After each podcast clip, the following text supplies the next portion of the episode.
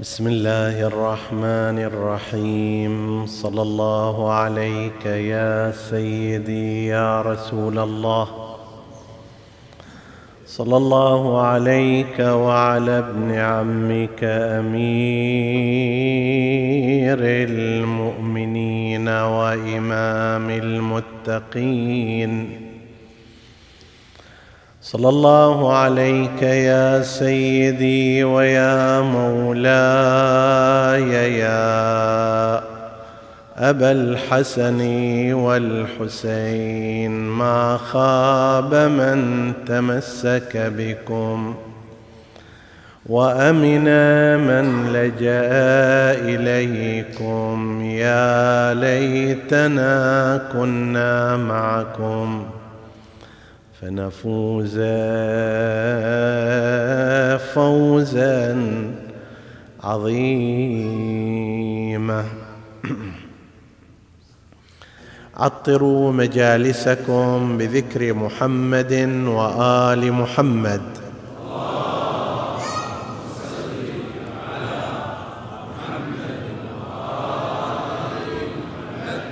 اللهم صل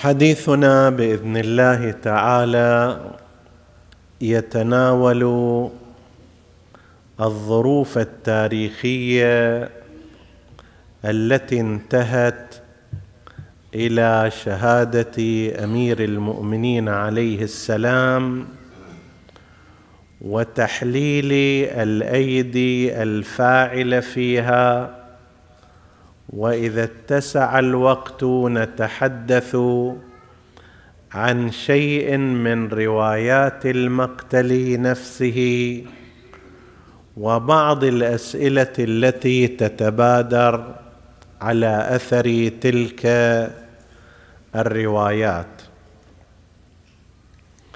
في سنة سبعة وثلاثين هجرية وبعد سنتين من بداية ولاية أمير المؤمنين الظاهرية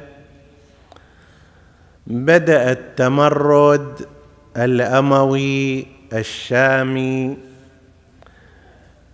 في صورة استعداد للحرب مع أمير المؤمنين عليه السلام. فكانت على أثر ذلك معركة صفين التي بدأت في سنة سبعة وثلاثين هجرية وانتهت بالتحكيم في سنة ثمانية وثلاثين هجرية. كانت الظروف في هذه المعركة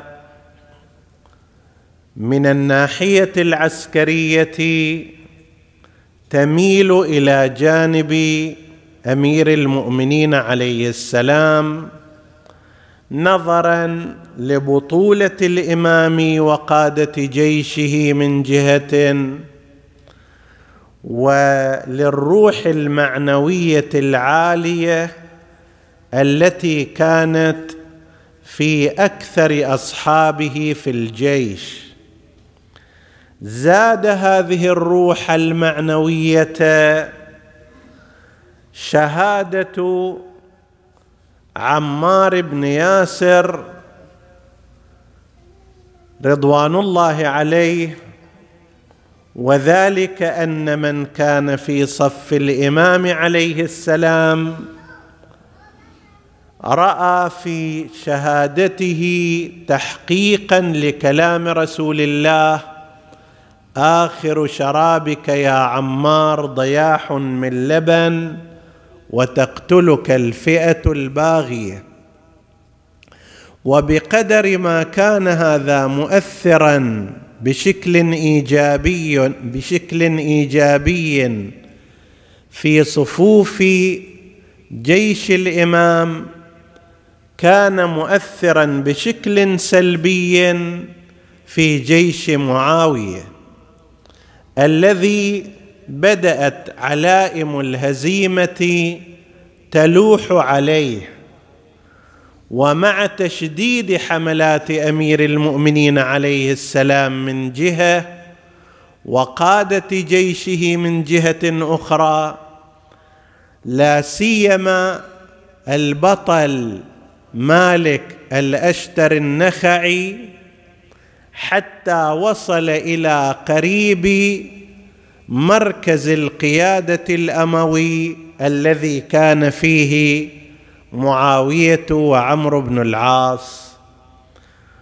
وحتى قال بعض المؤرخين أن رواحل الفرار والهزيمة قد جهزت لكبار هذا الجيش. حتى إذا انكسر الجيش بشكل كامل الأموي يكون قادته ومنهم معاوية وعمرو بن العاص قد استطاعوا الفرار والنجاة.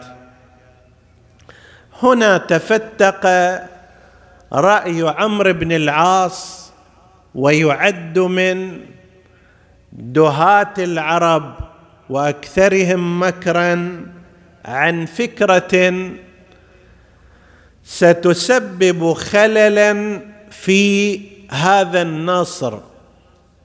فقد قال لمعاوية رايي أن نرفع المصاحف على رؤوس الرماح وأن ندعو أنصار علي للإحتكام إلى القرآن.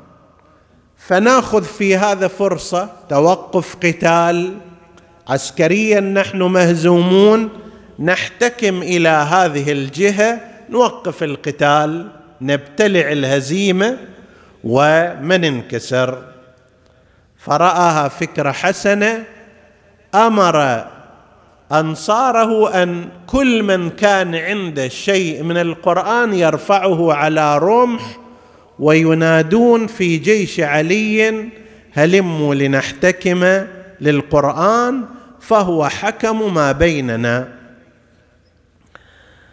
في جيش علي عليه السلام باعتباره الجيش الرسمي للدولة الإسلامية كان في أصناف مختلفة.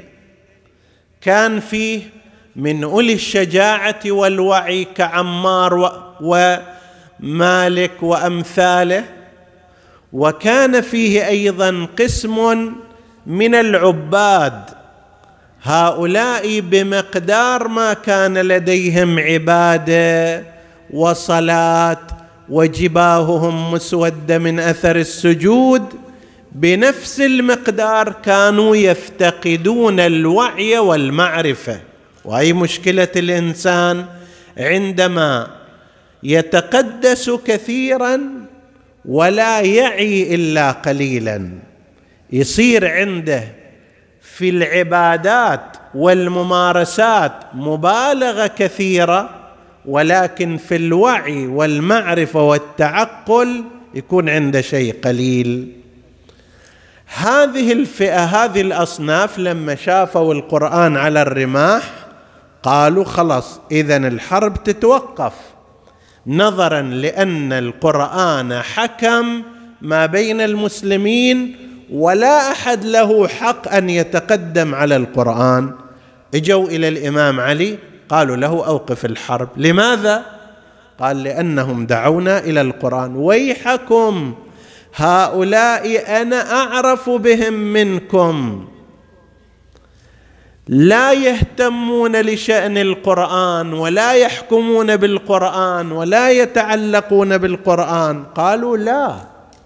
ما داموا قد طلبوا حكم القرآن وحكم الله فيجب عليك أن تتوقف.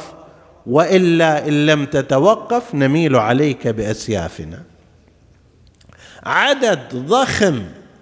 بعضهم قال بالمئات تحلقوا حول الإمام أمير المؤمنين وسيوفهم مشهورة. حاول معهم لم ينفع فأرسل إلى مالك أن ارجع فقد أطلعت الفتنة رأسها. قال يا أمي قال للرسول يا قل لأمير المؤمنين يمهلني قدر حلب ناقة ربع ساعة. ثلث ساعة نصف ساعة أنا أخلص كل شيء. قال الأمر أخطر من هذا. خمس دقائق إذا تتأخر يميلون على الإمام ويقتلونه أرجع. رجع. وهو في أشد حالات الغضب. ماذا تريدون؟ قالوا نريد الاحتكام إلى أمر الله وإلى كتاب الله. طيب كيف؟ ماذا نصنع؟ الآن المعركة تتوقف الجيشين يرجعون كل واحد إلى مكانه.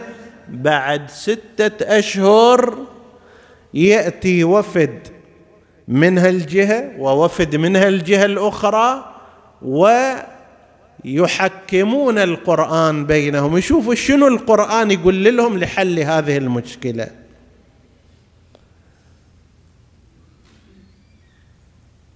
بعد ستة أشهر أراد الإمام أن يعين عبد الله بن عباس. رجل ذكي تلميذ الإمام فاهم مؤامرات عامر يعرف شخصيته كما يقول كلما عقد عقدة حلها. هذا بذاك. نفس هؤلاء جاءوا وكان أكثرهم من القبائل اليمنية ومن من حركهم في ذلك الأشعث بن قيس الكندي. وكم واحد من هؤلاء؟ قالوا له ما يصير. ذولاك جايبين عمرو بن العاص وهو مضري قرشي من عرب الشمال. أنتم أيضا تجيبوا واحد قرشي مضري من عرب الشمال ما يصير. نص إلى قريش مضر ونص إلينا إحنا أهل اليمن عرب الجنوب. والله لا يحكم فينا مضريان. إن كان منهم مضري فمنا يماني ولأن يحكم فينا يماني بما نكره أحب إلينا من أن يحكم فينا مضري بما نحب. ما نقبل ابن عباس؟ من تريدون؟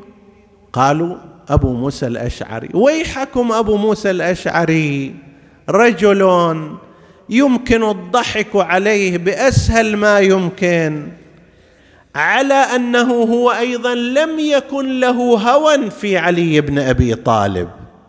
قالوا لا هذا أشعري من قبائل اليمن من أصحاب النبي وهذا هذا هو اللي نريده. لواحد من الشعراء قبل ما تصير المسألة قال لو كان للقوم رأي يعصمون به من الضلال رموكم بابن عباس لكن رموكم بشيخ من ذوي يمن لم. لم يدري ما ضرب أخماس بأسداس. رجال على نياته بسيط ينلعب عليه. وفعلا اجى في واقعة التحكيم. عمرو بن العاص قال له تفضل يا صاحب رسول الله يا أبا موسى. قال له لا أنت تفضل أنت قول. قال أعوذ بالله أنا أتقدم على واحد بقد والدي. مو عيب. أنت التاريخ اللي عندك ما أقدر أتكلم قدامك. ما يصير. أنت تفضل اصعد. صعد المنبر وخطب خطبة بين فيها أن الناس مختلفون والمشاكل اللي صارت وأن الحل ما هو؟ أن نخلع عليا ومعاوية اثنيناتهم ثم نجعل الأمر شورى بين الناس. يمكنهم تصير صوبة؟ طيب. نجعل الأمر شورى بين الناس وإني قد خلعت علي بن أبي طالب من الخلافة كما أخلع خاتمي هذا من إصبعي. الناس فوجئوا بهالخطاب هذا. ما كان الاتفاق على هذا الأمر بس خلص صعد عمرو بن العاص. ليش قدمه؟ لمثل هالكلام. صعد عمرو بن العاص قال قد سمعتم يا قوم أن الرجل وجد الحق وخلع صاحبه من الخلافة وإني أثبت صاحبي في الخلافة كما أثبت هذا الخاتم في إصبعي. فصار على أثر ذلك علي مخلوعا من الخلافة ومعاوية منصوبا أبو موسى الأشعري قال شنو هذا؟ ليش لعبت علي؟ ليش خدعتني؟ ما كان اتفاق شيء قال له روح عمي أكل ما أدري كذا ما لو كان للقوم رأي يعصمون به من الضلال رموكم بابن عباس مو هذا الآن جو الخوارج طيب قالوا كيف حكمت في دين الله خليت رجال يحكمون في أمر الله. ولكم أنتم اللي سويتوا هالشغلة. أنتم اللي رفعتوا السيوف. أنتم اللي هددتوا بالقتل. قالوا لا إحنا أخطأنا ولكن عليا لما حكم في دين الله فقد كفر بالله. المفروض يحكم الله مو يحكم الناس. شوف لما يكون الإنسان ما عنده وعي ما عنده معرفة ما عنده تعقل يوصل إلى أن هذا يكفر علي بن أبي طالب عليه السلام اللي شاد الإسلام بسيفه. النتيجة ما هي؟ أنه أنت يا علي إذا تريد لازم تقر على نفسك أنك كفرت بهذا التحكيم وتستغفر ربك الآن. الإمام شافي إذا يتابع وياهم ما تخلص القضية فأبى عليهم ذلك وتركهم. وكان يتجهز من جديد للقتال مع معاوية. قال هذه الطريقة هي كانت خدعة سوا سوت إلينا هذه المشكلة وهذول الهمج غير العارفين. انتهوا إلى هذه النتيجة. إحنا نرجع إلى مشوارنا قتال معاوية اللي طبعا صار قضية عبد الرحمن بن ملجم. بعد ما الإمام علي ترك الخوارج ذولا انشقوا عنه. ذولا اللي بعدين نفسهم اللي أجبروه على التحكيم وهددوه صاروا الخوارج. وتكونت هذه الفرقة اللي عمدتها تخطئة الإمام علي إلى حد الكفر. زين؟ وبدأوا يقومون بأعمال سيئة. في داخل الكوفة يقاطعون الإمام في خطابه. إذا حضروا المسجد ما يصلون وراه. يتكلمون ضده يهددونه.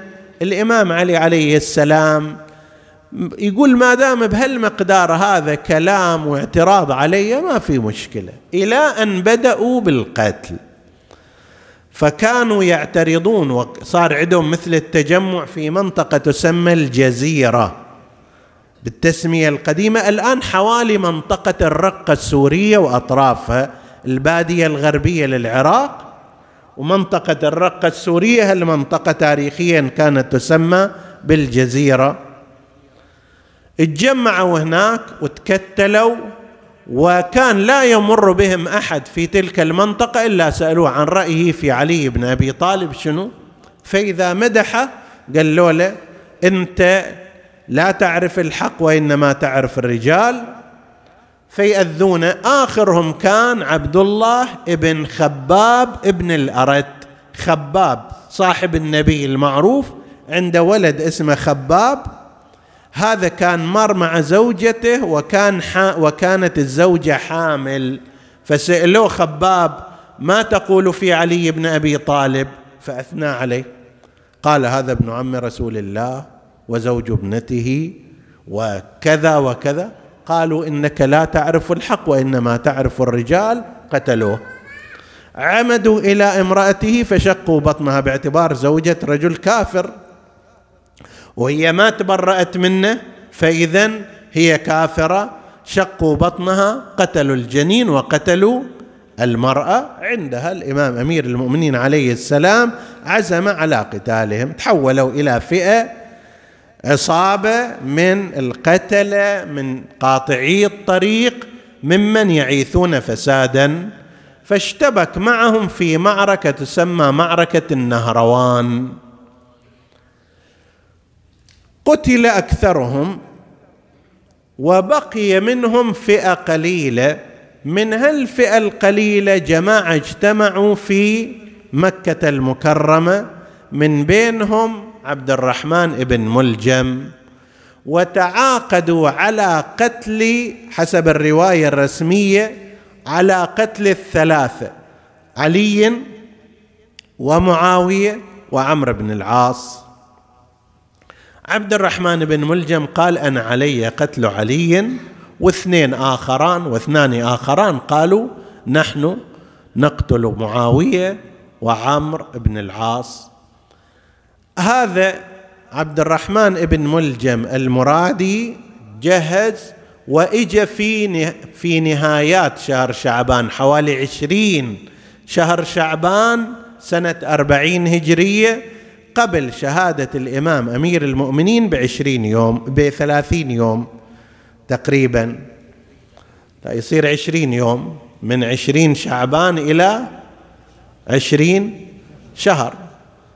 أقل من شهر بقليل. وبقي في الكوفة في حي مراد وكندة. هو مرادي ومراد جزء من قبيلة كندة. مراد نفسها اللي منها هاني بن عروة المرادي. كندة نفسها اللي منها حجر بن عدي الكندي. قبيلة كبيرة ففيها أناس موالون لأهل البيت وفيها أناس معادون لأهل البيت. الاشعث ابن قيس كندي أيضا رئيس القبيلة في الفرع المعادي للإمام الأشعث في مقابل حجر بن عدي. هاني ابن عروة ذاك الشكل من الولاء هذا ابن ملجم بهذا النحو من العداء. فبقي في هذه الفترة يستعد في هالاثناء زار بعض أهله وأصحابه من بني تيم الرباب تيميين ورأى في بيت أحدهم قطام بنت الأخضر التيمية وقيل إنها كانت ذات جمال فطمع فيها وأرادها فقالت أني أعطيك نفسي بشرط المهر مهر ما هو؟ ثلاثة آلاف وعبد وقينة وضرب علي بالحسام المسمم. هذا شروطي. قال شلون أنا أقدر على علي بن أبي طالب؟ هو واحد إذا طالعه الإنسان يهلك من الخوف. فقالت له التمس غرته فإذا قتلت إحنا رحنا خرجنا من الكوفة وعشنا حياتنا. طيب. وكان ما كان بالفعل في ليلة التاسع عشر مع فجرها بالاستعانة والتأييد من الأشعث ابن قيس صار هذا العمل الأثيم الذي ضرب فيه الإمام أمير المؤمنين عليه السلام مع الفجر. هذه الظروف الممهدة لهذا الأمر. هل كان لبني أمية وبالذات معاوية هل كان له يد في قضية الاغتيال؟ للإمام أمير المؤمنين عليه السلام. أكو هناك رأيان. رأي أشار إليه المرحوم الشيخ باقر شريف القرشي في كتابه موسوعة سيرة أهل البيت. وأشار إليه أيضا آخرون مثل الدكتور جعفر شهيدي في كتابه باللغة الفارسية. وغير هؤلاء أنه نعم لا يستبعد أن يكون لمعاوية يد في التخطيط لاغتيال الإمام. ما هي القرائن على ذلك؟ قال اولا أن طبيعة العلاقة بين معاوية وعلي وأن معاوية كان يريد أن يتخلص من الإمام بأي طريقة من الطرق حتى لو حرب طاحنة كان حاضر يروح فيها لأن بقتل علي هو راح يصير الخليفة. فسوف يتوسل بأي طريقة من الطرق حتى لو كان بالاستعانة ببعض الحاقدين على الإمام عليه السلام بدفع الأموال لهم بتحريكهم هذا ممكن أن يصير. هذا واحد من القرائن التي يذكرونها. أمر آخر يقولون الأشعث ابن قيس الكندي لم يكن على وفاق مع أمير المؤمنين عليه السلام. علاقته كانت علاقة متوترة مع الإمام. لا يعجبه حكم الإمام.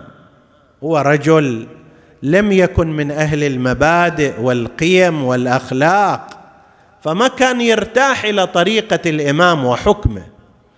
كان باقي في الكوفة لأنه بالتالي هو شبه زعيم في كنده زعيم الخط اللي ما يرتاح للإمام المناوئ للإمام. بنت فيما بعد هي التي ستسم الإمام الحسن. ابنه محمد وقيس ابني الأشعث هما اللذان شاركا في قتل الإمام الحسين عليه السلام. هو نفسه أيضا لم يكن على وفاق.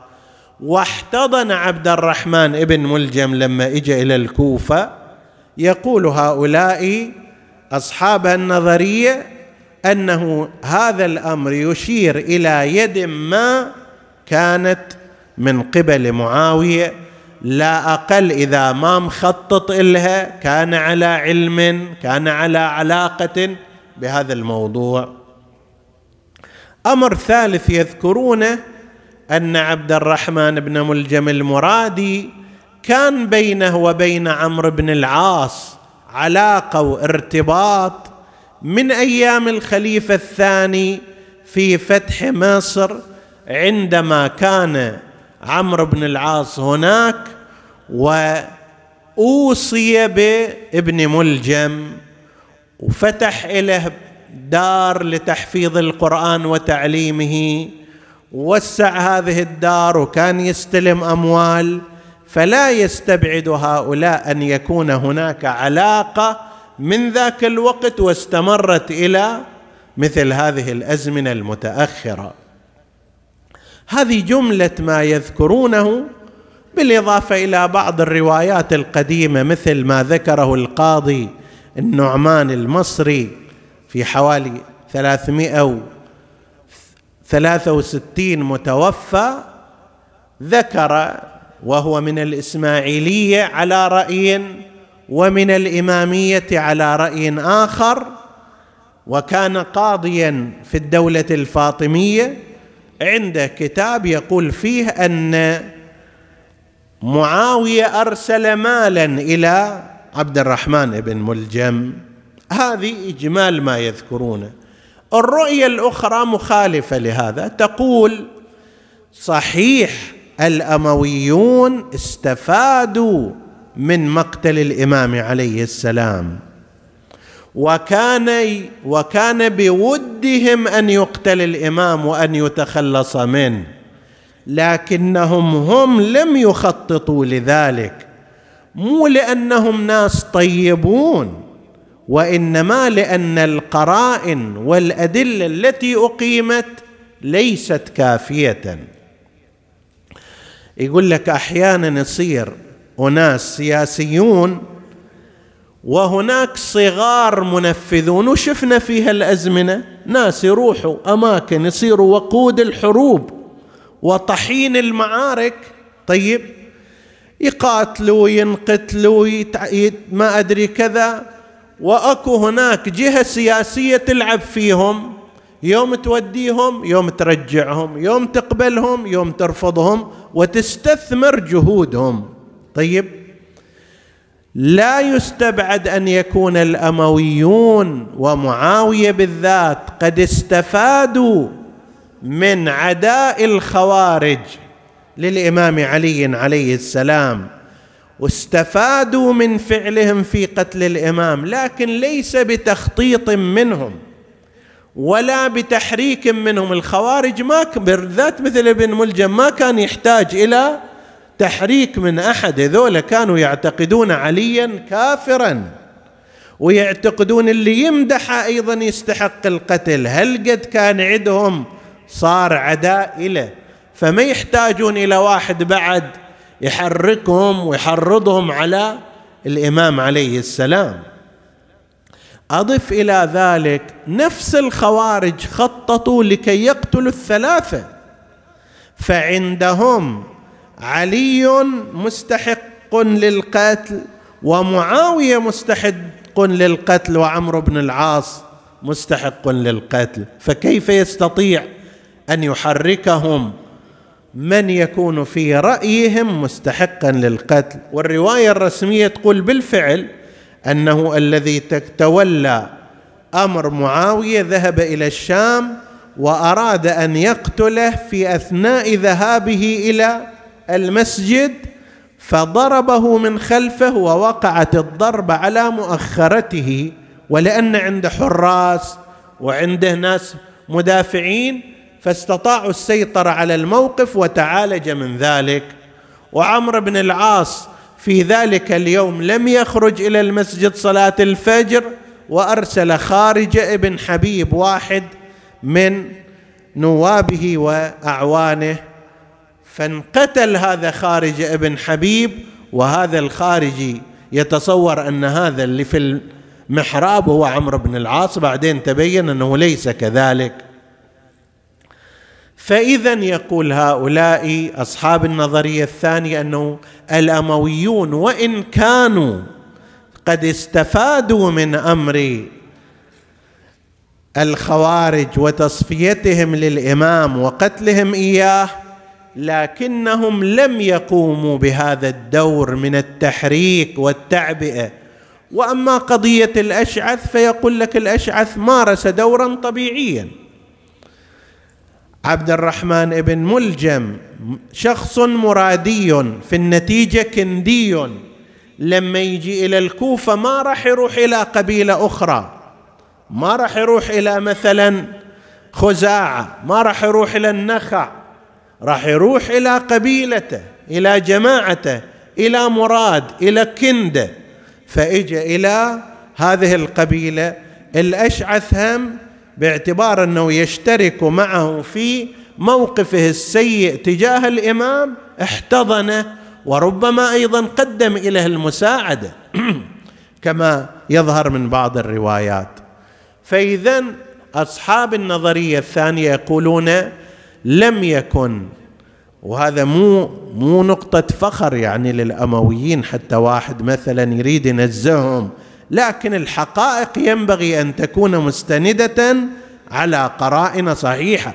نحن نبغض شخصا لأجل قضية دينية ولكن إذا أردنا أن نحلل الموضوع التاريخي يحتاج أن نقدم أدلة وبراهين وقرائن واضحة. فهذه اذا النظرية الأخرى. تجي إلى سؤال ما أدري يتسع الوقت نجيب عليه أو لا مع أنه هو يحتاج إلى إلى حديث مفصل في هذا الجانب. وهو أنه الإمام عليه السلام إذا كان يعلم بشهادته فكيف ذهب إلى المسجد؟ لا ريب أن الإمام كان يعلم. ليش؟ اولا إخبار النبي محمد.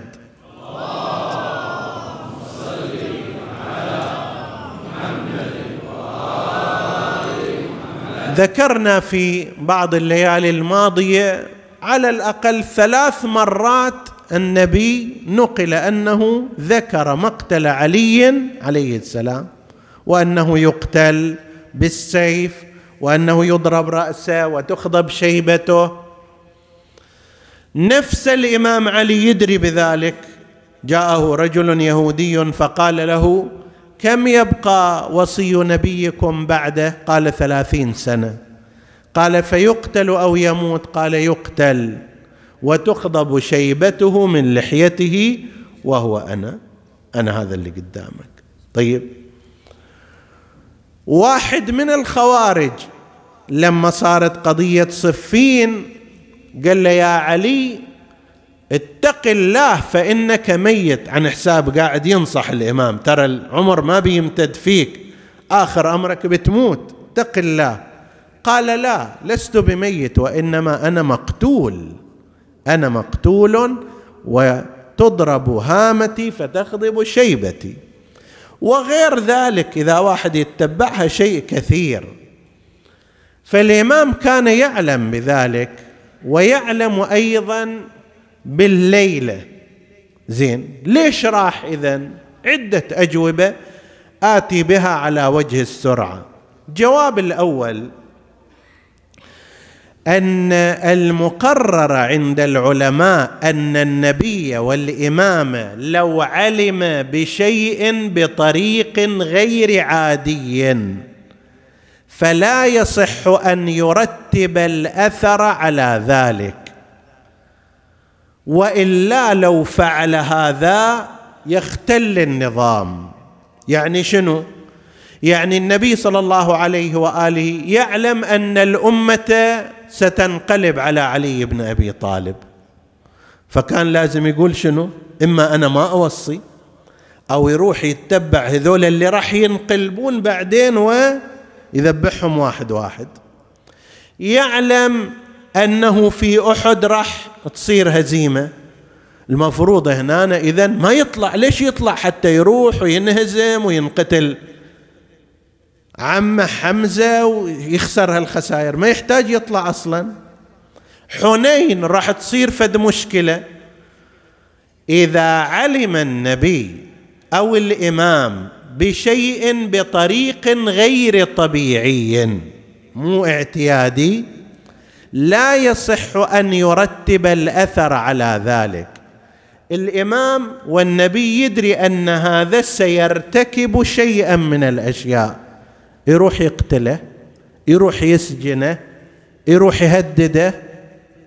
هذا سيفتح بابا للحكام من أسوأ الأبواب. شلون؟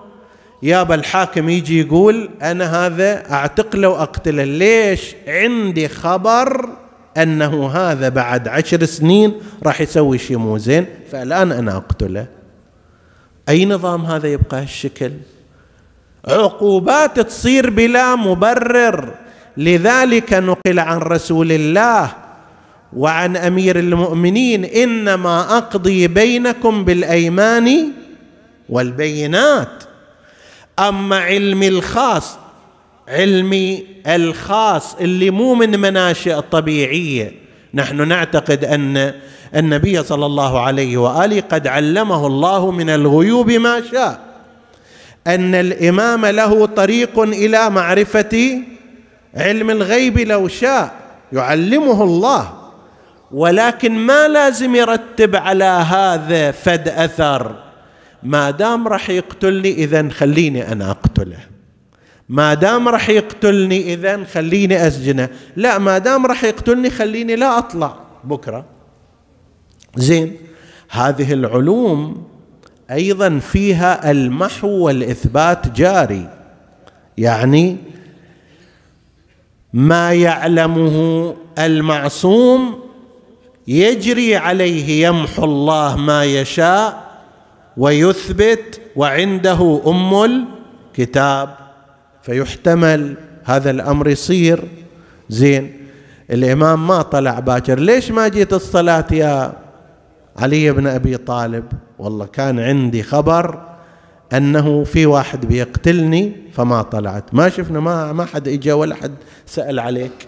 طيب اولا هذا في القانون القضائي راح يفتح باب من الاضطراب ويفتح باب خطير للحاكمين عندما يقومون بأعمال وينسبونها إلى علوم خاصة بهم. يقول لا مثل هذه الأمور إليها قوانين أيمان بينات قرائن مقنعة إلى غير ذلك. طيب هذا واحد. الأمر الآخر أن الإمام سلام الله عليه لما كان هذا الأمر خاضعا للمحو والإثبات فمن الممكن أن يتغير فلو أخبر ولم يخرج بذلك. لو قال أنا ما أطلع إلى المعركة الفلانية ما أروح إلى الصلاة وتبين فيما بعد أن الله الله خب مو مجبر أن يجري كل شيء لا. يقبض ويبسط ويمحو ويثبت. طيب لو هذا ما صار هم نسبة الكذب تصير إلى المعصوم لا سمح الله. ولذلك تلاحظوا أن كلام الإمام عن الليلة وكذا هو كلام بهذا النحو إنها الليلة التي وعدنيها رسول الله. فيها مقدار من الإخبار وفيها مقدار في مجال من عدم الجزم النهائي والكلي. طيب هذا أمر ثاني. الأمر الثالث أنه كما قلنا وهو في مقدمة الحديث أن هذا لو صار فإنه ينتهي إلى خلل في القوانين وإلى اضطراب. وآخر شيء ما ورد عن الإمام الرضا عليه السلام وهو أن الله سبحانه وتعالى قد يبتلي أولياءه بأصعب البلاءات ويخيرهم في ذلك. يعني يقول للإمام أنه أنت تقدر تتراجع عن هذا بس هذا إله مرتبة وتقدر تمضي إله مرتبة أخرى. الحسين أنت إذا تروح إلى كربلاء آخر الأمر تقتل. طيب إذا ما تروح ما تصير هذا المصير. ولكن إن لك في الجنة منزله لا تنالها إلا بالشهادة وبهالمشوار هذا اللي راح تقتل فيه. فالله سبحانه وتعالى يضع للولي الأعظم هذا بعد مو لكل الناس هذه درجة من درجات الإيمان مو كل الناس عنده. يضع للولي هكذا. الإمام الرضا يقول خير الله عليا تلك الليلة فاختار المضي لتجري مقادير الله عز وجل. درجة من الدرجات أنت تروح إلى معركة مئة في المئة أنت مقتول فيها وما راح يصير انتصار. طيب عشرة أشخاص يقاتلون ألفا من الناس وما راح يصير انتصار. تقول مع ذلك الله سبحانه وتعالى ابتلاني بالصمود أنا أروح وأنقتل وأحوز أفضل الدرجات. في مثل هالحالة أنت لا تشك طرفة عين أنه إذا أنت عشرة وذاك عشرة آلاف لا شك ولا ريب أنك مغلوب بحسب القوانين الظاهرية ومقتول ولا سبيل لك. لكن مع ذلك تقول أنا أروح لكي أحصل على الشهادة ولكي أبلغ مرتبة عند الله لا تنال إلا بهذه الطريقة. البحث أكثر من هذا لكن الوقت يحاصرنا والليلة هي ليلة شهادة الإمام عليه السلام رأي المؤرخين والروايات. السليمة أن الإمام أمير المؤمنين لم يقبض في النهار يعني مو بكرة النهار شهادة الإمام وإنما في هذه الليلة. إما في مثل هذا الوقت بعد وقت متأخر من صلاة العشاء أو قريب الفجر على رأي آخر. يعني المهم في الليل ما دخل الفجر إلى الآن. فأنت الآن لو تتصور وأنت في هذا الجمع هالمجاميع من الناس الذين اجتمعوا ليستمعوا ذكر شهادة الإمام عليه السلام. وبهالأعداد الهائلة جزاهم الله خيرا. وأثابهم الله تركوا أمورهم وقضاياهم. وجلسوا في كل مأتم ومسجد وحسينية وساحة من أجل أن يستمعوا إلى ذكر مولانا أمير المؤمنين ولينادوا كما نادى غيرهم وقبلهم بصوت واحد وعلياه.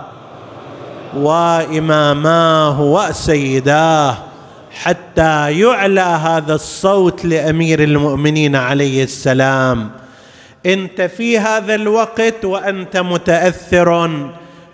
لو تنقل نظرك نظر قلبك إلى الكوفة في سنة أربعين في هذه الليلة لرأيت الكوفة تموج بأهلها والكل في عينه دمعة حائرة على مولانا أمير المؤمنين. الكل قلق على ما سيؤول إليه أمر الإمام. سلام الله عليه. الكل حزين ممن عرف وسمع خبر أثير السكوني عندما أخبر ليلة البارحة يا علي اعهد عهدك فإن ضربة اللعين قد وصلت إلى أم الدماغ. لذلك تجمعوا الناس أصحاب أمير المؤمنين كل واحد يجي لكي يودع الإمام. فجاء حجر بن عدي الكندي دخل على الإمام عليه السلام وأخذ يبكي عليه وعلى حاله وقال فيا أسفا على المولى الزكي أبي الأطهار حيدرة التقي وأخذ ينشئ الشعر في حقه ويتأسف عليه. دخل عليه صعصع ابن صوحان العبدي فقال أيضا كلاما من هذا الكلام الذي يؤبن فيه الإمام عليه السلام. وهكذا واحد يجي واحد يدخل والإمام وهو في تلك الحالة يقول لهم سلوني قبل أن تفقدوني وخففوا من مسألة إمامكم. إذا واحد عنده مسألة ضرورية مهمة خل يسألني حتى أعظه فيها. لكن خففوا راعوا ولاحظوا حال الإمام عليه السلام. وهكذا الكل يريد أن يدخل إلى بيت الإمام والإمام الحسن يمنع الناس من الدخول. قال بعض أرباب الخبر والأثر هنا طرق الباب جماعة. والحوا في الطرق ففتح الباب الإمام عليه السلام. فإذا بعدد من اليتامى وصغار الفقراء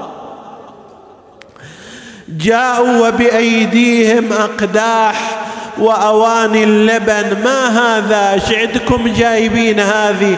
قالوا سمعنا الطبيب يقول أن اللبن صالح لعلاج الإمام.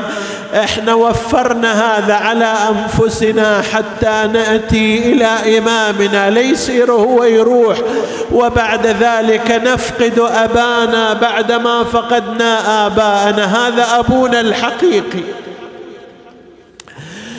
صرفهم الإمام عليه السلام وهدأهم وقال في الناس أيها الناس انصرفوا إلى بيوتكم فقد أخر إخراج الإمام. ترى ما راح يصير تشيع هذه الليلة حتى ينصرف الناس بناء على وصية الإمام. الإمام دفن سرا كما دفنت فاطمة الزهراء سلام الله عليها.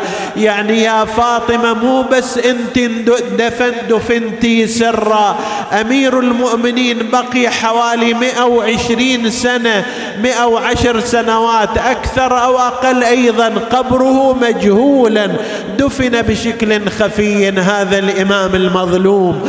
فصرف الناس حتى لما يندفن يندفن بشكل غير معلن غير واضح. هنا وإذا بالباب تطرق. جاء الحسن من هذا؟ قال أنا الأصبغ ابن نبات. من أصحاب الإمام. قال يا أصبغ أعرف علاقتك بالإمام وحبك إلى لكن ألم نتقدم إليكم أن تنصرفوا إلى بيوتكم؟ قال سيدي إن رجلاي إن رجلي لا تحملاني إلى البيت ما أقدر أروح قبل ما أشوف الإمام. لازم أدخل عليه ولو ألقي نظره على الإمام فأذن له أن يدخل. فلما وقعت عين الأصبغ بن نباته على على الإمام أمير المؤمنين انفجر باكيا. ماذا رأيت يا أصبغ؟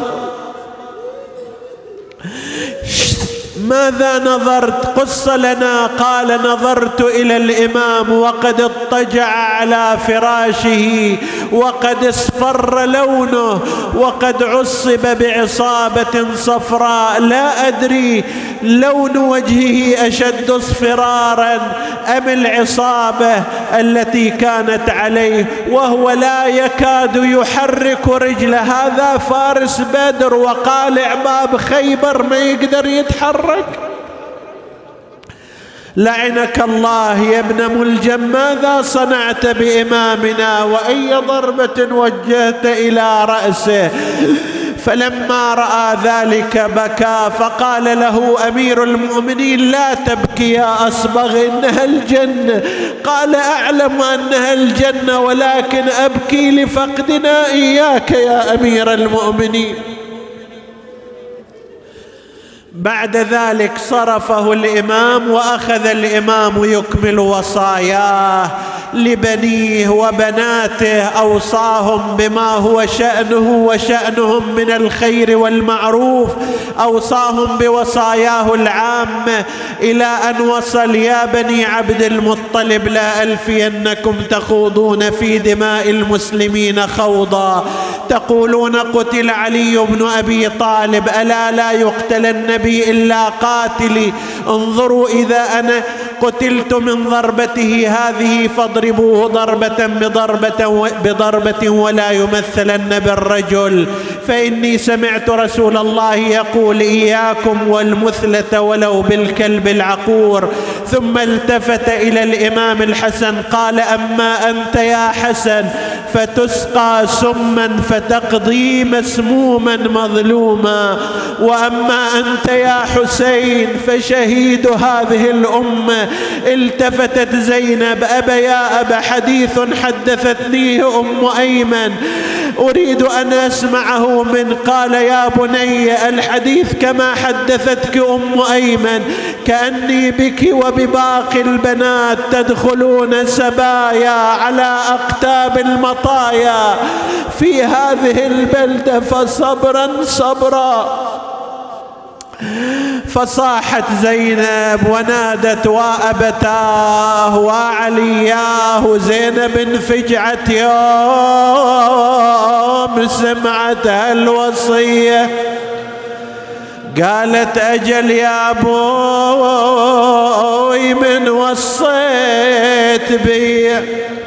بانت يا ابويا اول الذل علي. يا ليت عقبك الفواطم لا يضيع وأما المصيبه اللي تزلزل هالوطيه مصيبة عزيز حسين برض الغاضري. أكمل وصاياه عظم الله أجوركم.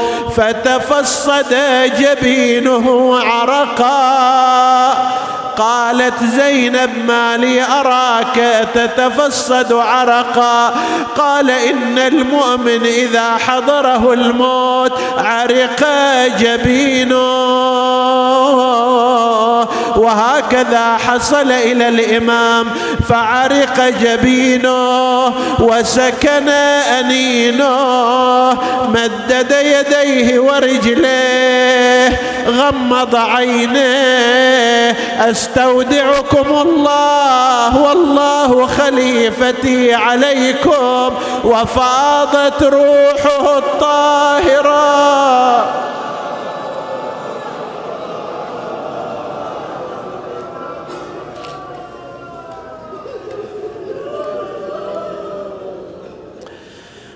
أيوا إماماه وسيداه ومظلوماه ومقتولاه ومسموماه الإمام أمير المؤمنين هم مسموم وهم مقتول يعني جمع فيه مصيبة الحسين ومصيبة الحسن بأبي وأمي. باشر الإمام الحسن والحسين في تجهيزه ورفعت جنازته إلى الغري. وأما زينب فإنها تنادي العيد مجبل والحزن زايد علي عاينت دار المرتضى من خليل محلى الأبو في العيد لو جمع ولا ولبسهم الزينة على جاري العاد رفرف عليهم بالهنايا طير السعاد. يعم الهنا وتصير عيشتهم هني وإحنا أبونا قبل عيد بتسعة أيام. فارق وخلانا وصرنا بعد هيتم أفي شهر الصيام فجعتمونا بخير الناس طرا أجمعين. نسألك اللهم وندعوك باسمك العظيم الأعظم. اغفر لنا ذنوبنا. كفر عنا سيئاتنا. آمنا في أوطاننا. لا تسلط علينا من لا يخافك ولا يرحمنا ولا تفرق بيننا وبين محمد وآله طرفة عين. فض اللهم إخواني الحاضرين فردا فردا واقض حوائجهم اشف اللهم مرضاهم وتقبل عمل المؤسسين بأحسن القبول.